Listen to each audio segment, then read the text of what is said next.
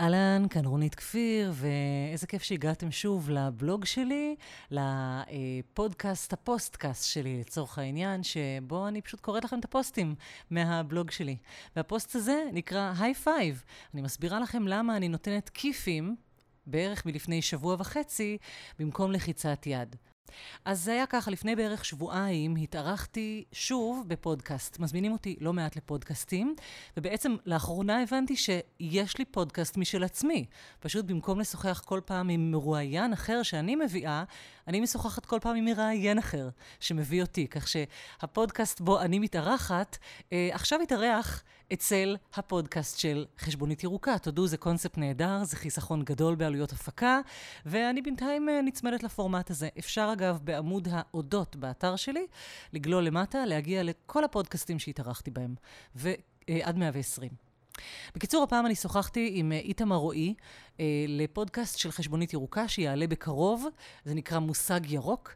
דורון רובינשטיין המהמם עורך אותו, והם עשו עבודה נהדרת. Um, הגעתי למסקנה ששורת הפוסטים שעכשיו אני uh, בימים אלו כותבת, התחילה כל אחד מהם בתובנה שעלתה בעקבות מפגש עם בן אדם אחד. והפעם המפגש uh, עם האדם, האדם הזה היה אופיר. אז מי זה אופיר? אופיר הוא הטכנאי שישב והקליט אותנו באולפן שלו, אולפני וייב, בתל אביב. נכנסתי לאולפן, אופיר ישב שם בשקט, הוא נראה כזה חביב, איש חביב, נחמד, טיפה משועמם, כמו שאני רגילה לראות אנשי סאונד לפעמים יושבים באולפן בהקלטות ארוכות. בגלי צה"ל הם היו מאוד משועממים רוב הזמן, הטכנאים. ואופיר ואני דיברנו קצת על ההבדל בין מיקרופון דינמי למיקרופון עם קונדנסר. אל תשאלו אותי, אני הבנתי את זה לכמה רגעים וזה ברח לי מאז, כן? ואז נכנסתי לראיון, והיה ראיון ממש ממש כיפי ומיוחד ומעניין. איתמר שאל אותי שאלות מעולות שלא שאלו אותי עד עכשיו, וזה חידד לי כל מיני לא נעים לים שלי יש עדיין בעסק שלי עכשיו, של ההרצאות, וזה עזר לי גם להבין את המרחק הגדול שאני עברתי מאז ההרצאה הראשונה שלי, בשנת, לדעתי, 2016, 2015 אה, ועד היום. ואיך זה קשור לאופיר, ואיך זה קשור ל high five, אתם בטח שואלים. כשיצאתי מהאולפן, פגש אותי בחוץ אדם אחר. אופיר זינק מהכיסא שלו, מלא באנרגיה ובעיניים בורקות, אמר לי, וואי, את גדולה, את גדולה, או משהו כזה, ענקית, ונתן לי high five, כיף למעלה, מלא אנרגיה. אחר כך הוא יזמין אותי לעשות סלפי, ואני אחזור אחר כך לסלפי הזה. ומעבר לשמחה שאני התמלאתי בה על זה שבאמת היה אחלה ראיון, והפליאה אל מול השינוי, באמת ראיתי את הבן אדם הזה, את אופיר, כאילו נטען באנרגיה למשמע השיחה שלנו, היה בכיף הזה שהוא נתן לי משהו כל כך עוצמתי, כל כך אמ, כיפי, שמאותו הרגע אמרתי, וואלה, אני מאמצת את המחווה הזו בברכת השלום שלי, בעיקר ברכת האיזה כיף שלי, ברכת ההצלחה. זה אולי נשמע קטן, אבל זרמו איתי שנייה בניתוח של מה ההבדל בין לחיצת יד ל high five, ומתי כדאי להשתמש בזה, כי זה ממש כיף. אז לפני שאני אנתח את זה, אני רוצה לספר לכם על בנג'מין זנדר. Uh, קשה לי להגדיר את האיש הזה המהמם, אני מאוהבת בו קשות, והוא כתב ספר שנקרא The Art of Possibility.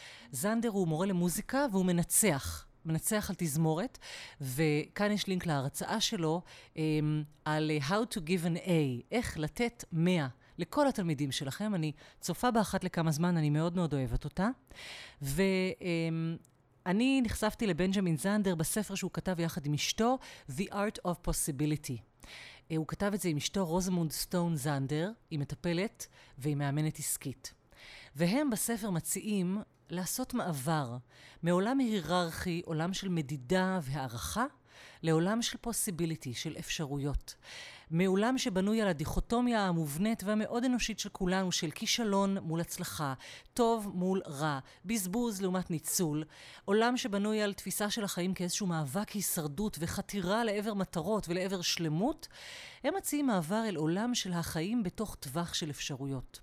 הספר מנתח את הסיפורים שאנחנו מספרים לעצמנו על אפשרויות ועל המציאות, והוא גם מציע תרגולים וטכניקות למעבר משאלות הערכה איכותניות, כן, שלמשל, אה, האם הרגשות שלי טובים? האם הם רעים?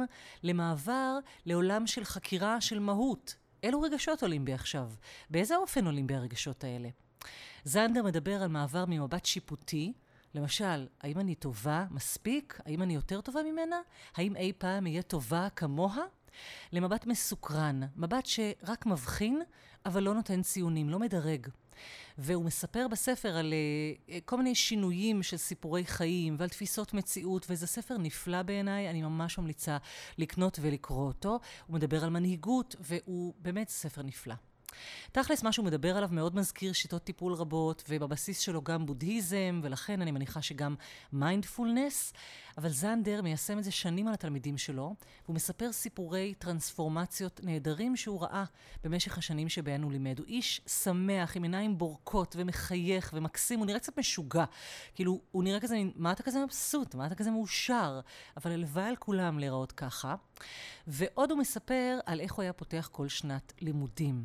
הוא היה נותן כל שנה לתלמידים שלו, הוא אומר להם, תלמידים יקרים, אתם השנה אה, קיבלתם ממני כולכם 100. ועכשיו, במשימה של השיעור הראשון, אני רוצה שתכתבו לי מכתב לסוף השנה. והמכתב הזה ייפתח במשפט, Dear Mr. Zander, I got an A because. מר זנדר היקר, נתת לי 100 בגלל. והוא אומר לתלמידים, תכתבו לי את המכתב הזה. כלומר, הוא ממש אומר להם, תדמיינו שקיבלתם, אתם כבר, המאה שלכם מובטח, אין כאן שאלה, אתם קיבלתם ממני מאה. עכשיו תסבירו לי למה. איזה דבר מקסים זה. והוא כותב, This A, המאה הזה, is not an expectation to live up to, but a possibility to live into. המאה הזה, זה לא ציפייה שאתם צריכים לעמוד בה. זוהי אפשרות שאתם יכולים לחיות לתוכה. איזה דבר מקסים זה להגיד לתלמידים. המאה הזה הרי קיים אצל כל אחד מאיתנו, כל אחד יכול להיות המאה של עצמו. ואתה לא צריך לחיות, כאילו להגיע לציפייה הזאת שלי ממך, אלא להגיע ליכולת שלך למאה הזה. הוא משחק מאוד יפה עם המילים live up to ו-live into. כדי להמחיש את המעבר בדיוק מדירוג על גבי ציר של נמוך לעומת גבוה, של אפס לעומת מאה, למרחב שפשוט צריך למלא אותו ולהיכנס אליו. הם אגב אומרים, אלה דברים מאוד פשוטים, אבל הם לא בהכרח קלים ליישום. ואחד המשפטים האהובים עליי שזנדר אומר בהרצאה הזאת, הוא אומר, כשאני מסתכל על התלמידים שלי, ואני רואה את העיניים שלהם כבויות, העיניים של התלמידים שלי אינן נוצצות או בורקות, אני שואל את עצמי, Who am I being that your eyes aren't shining? מי אני שהעיניים של התלמידים שלי כבויות. וכל אחד שראה עיניים נדלקות, והיום אני כולי באמת מתרגשת, כי הייתה לי הרצאה בתל אביב היום, ואלו שחיכו לשוחח איתי אחר כך פשוט עמדו, והעיניים שלהם נצצו, וזה כל כך ריגש אותי, וידעתי שהייתי פשוט נהדרת, כי העיניים שלהם נצצו אחרי ההרצאה שלי, והתרגשתי לחשוב על המשפט הנהדר הזה של בנג'מין זנדר, וגם חלקתי אותו עם כמה מהן.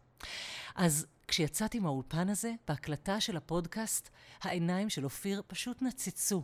ואני, דרך העיניים שלו, הבנתי שאני הייתי הכי טובה שאני יכולה להיות. אני הייתי מאה, נתתי לעצמי מאה. הייתי הכי חדה, הכי כנה, הכי אני, הכי פתוחה, הכי מקבלת, הכי חומלת כלפי עצמי, הכי shining, הכי נוצצת. והרגשתי שבאותו הרגע יצאתי מציר המדידה וההשוואה. ו... לרגע לא הרגשתי מול אופיר שכאילו, הוא פחות טוב, הוא יותר טוב ממני. הוא זה, יש כאן איזה דירוג, אלא הרגשתי שנפגשנו באיזה מקום מלא אנרגיה. וכשיצאתי מהציר הזה של המדידה, והשוואה, והקטון והקטן והגדול, נכנסתי אל עולם האפשרות. על הציר הראשון הזה, כל אחד יש לו דירוג. הוא רואה את העיניים במבט, את העולם במבט מדרג, ולכן תמיד יהיה מקום להשוואה, לאכזבות, לקנאה, להקטנה, לצרות עין, לחוסר פרגון. טוב, היא, יש לה ככה, ואני, יש לי ככה, וכזה מין.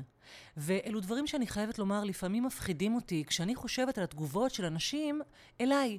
מי חושבת שהיא ככה עפה על עצמה? אפשר לחשוב, מה היא בסך הכל עושה? כאילו, אנשים שלפעמים כשאני, המאה שלי, זה כאילו גורם להם להרגיש, לא יודעת מה, 85, 62, 24. במרחב השני, המרחב של האפשרות, לכל אחת יש אפשרות להיות הכי גדולה ונוצצת שהיא יכולה בכל רגע מחדש, ויש שם מקום לכולם, כי אצל זנדר בעולם הזה, כל הכיתה מקבלת 100. זה שלי יש 100, לא אומר שלמישהו אחר יהיה 10, כולנו 100, ביום הראשון של הלימודים. זה אולי יישמע לכם שינוי סמנטי קטן. יופי, אז עברנו מציר של דירוג לעולם של uh, מרחב של uh, זה. אבל תקשיבו, זה מדהים לגלות תבדקו את עצמכן עד כמה אנחנו שופטות את עצמנו כל הזמן לפי איזשהו סרגל. הוא קורא לזה upward spiral, ספירלה יורדת או ספירלה עולה. אנחנו שופטות את עצמנו על ציר של בזבוז או ניצול, על ציר של טוב או רע, על ציר של אה, אה, איזושהי שאיפה שאני רוצה להגיע לאיזשהו מקום ועוד לא הגעתי. כל הזמן מדרגת את עצמי על אה, האם הגעתי לאיזשהו יעד ועל איזשהו סרגל.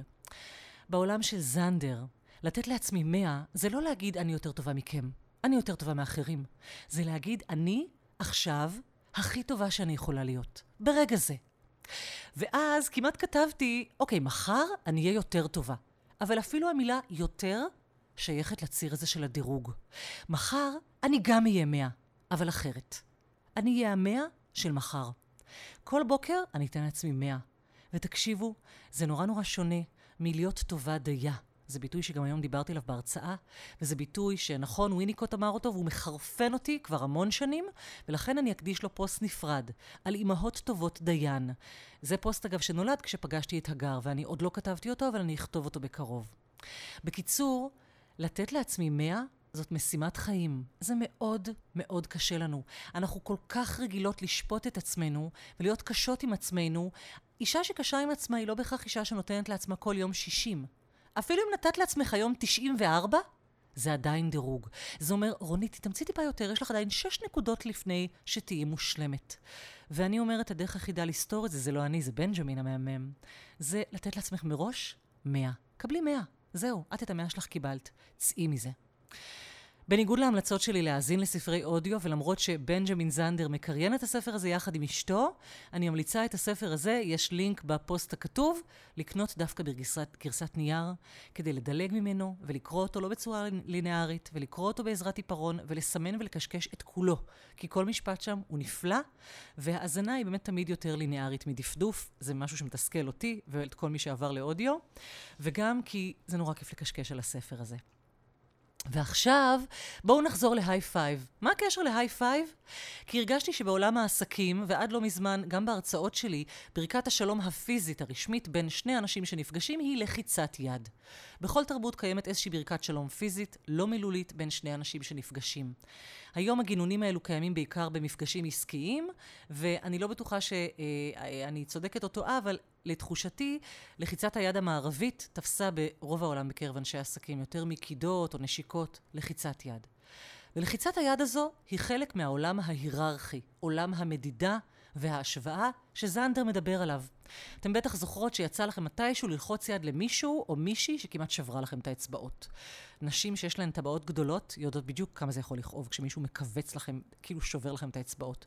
או להפך, אולי אתן נזכרות באיזושהי לחיצת יד שמישהו מושיט לכם יד כזאת רפה, כמעט בלי עצמות כאלה, חסרת חיים, ואתם, אה, כאילו, זה מפתיע, החולשה.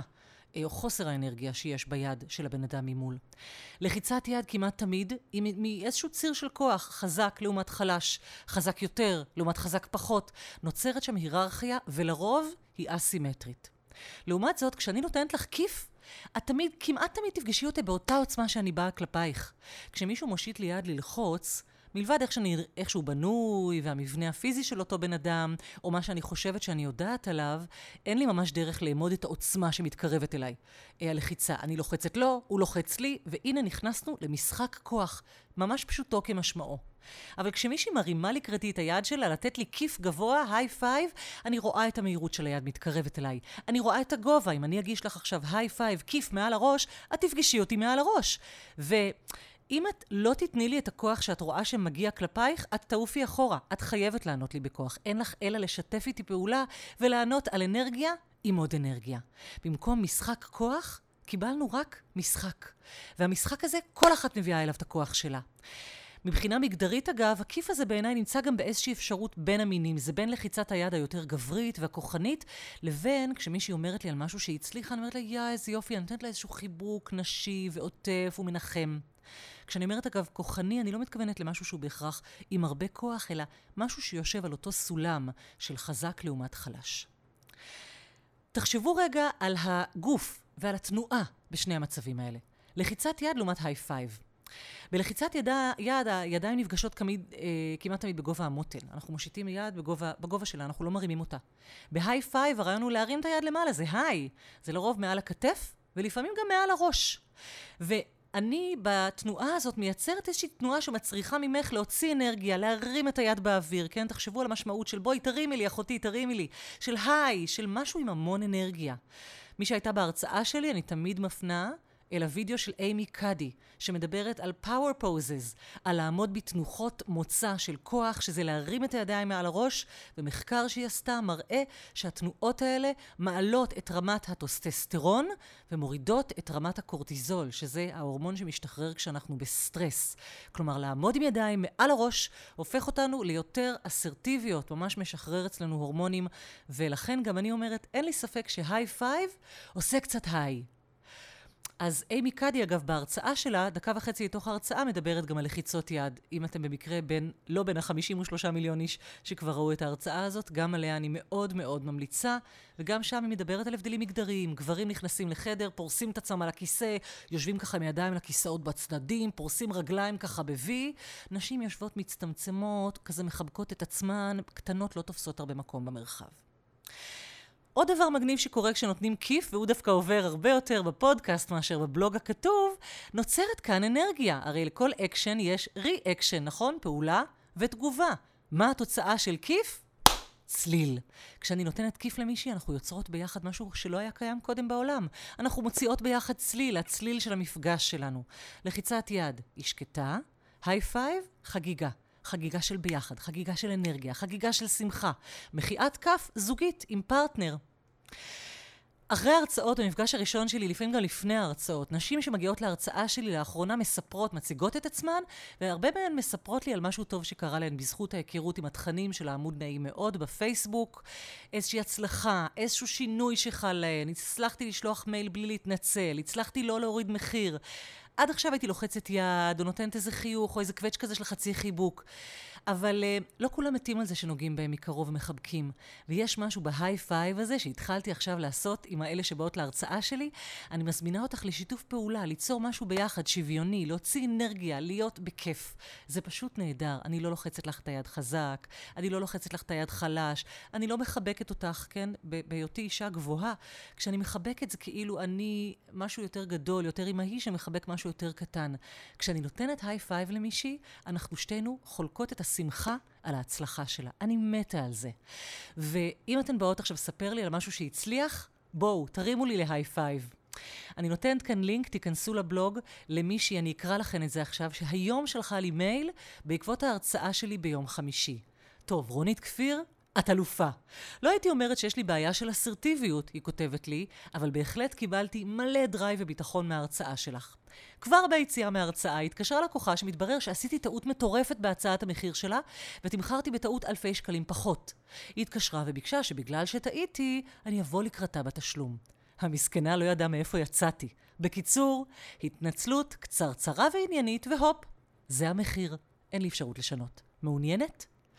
ועוד היא כותבת לי במייל, היום לקוח שהתקשר ואמר שהמחיר גבוה בהשוואה לאחרים. אני בתגובה, שתיקה. הוא בתגובה, אפשר לעשות משהו עם זה? אני, מה אתה מציע? הוא, אה, אוקיי, או שפשוט, אה, לא משנה. אוקיי, בואי נתחיל בפרויקט.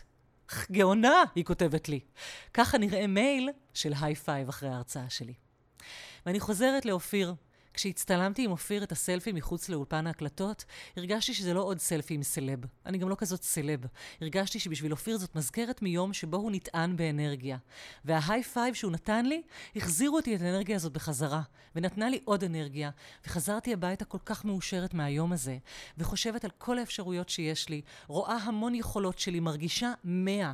מבינה שכשאני נותנת לעצמי את הציון מאה הזה, זה לא מוריד מאף אחד אחר בסביבתי, זה רק מעלה לכולם. שנים, בערך שנתיים, אחרי שקראתי את הספר הצהוב והשמח הזה של בנג'מין זנדר, הספר הזה עזר לי לזרוח. תנסו את זה בבית, תנו את ה high five ים שלכם ותספרו לי איך זה הולך, ותזכרו לשנן, לחיצת יד זה מלחיץ, כיף זה הרבה יותר כיף.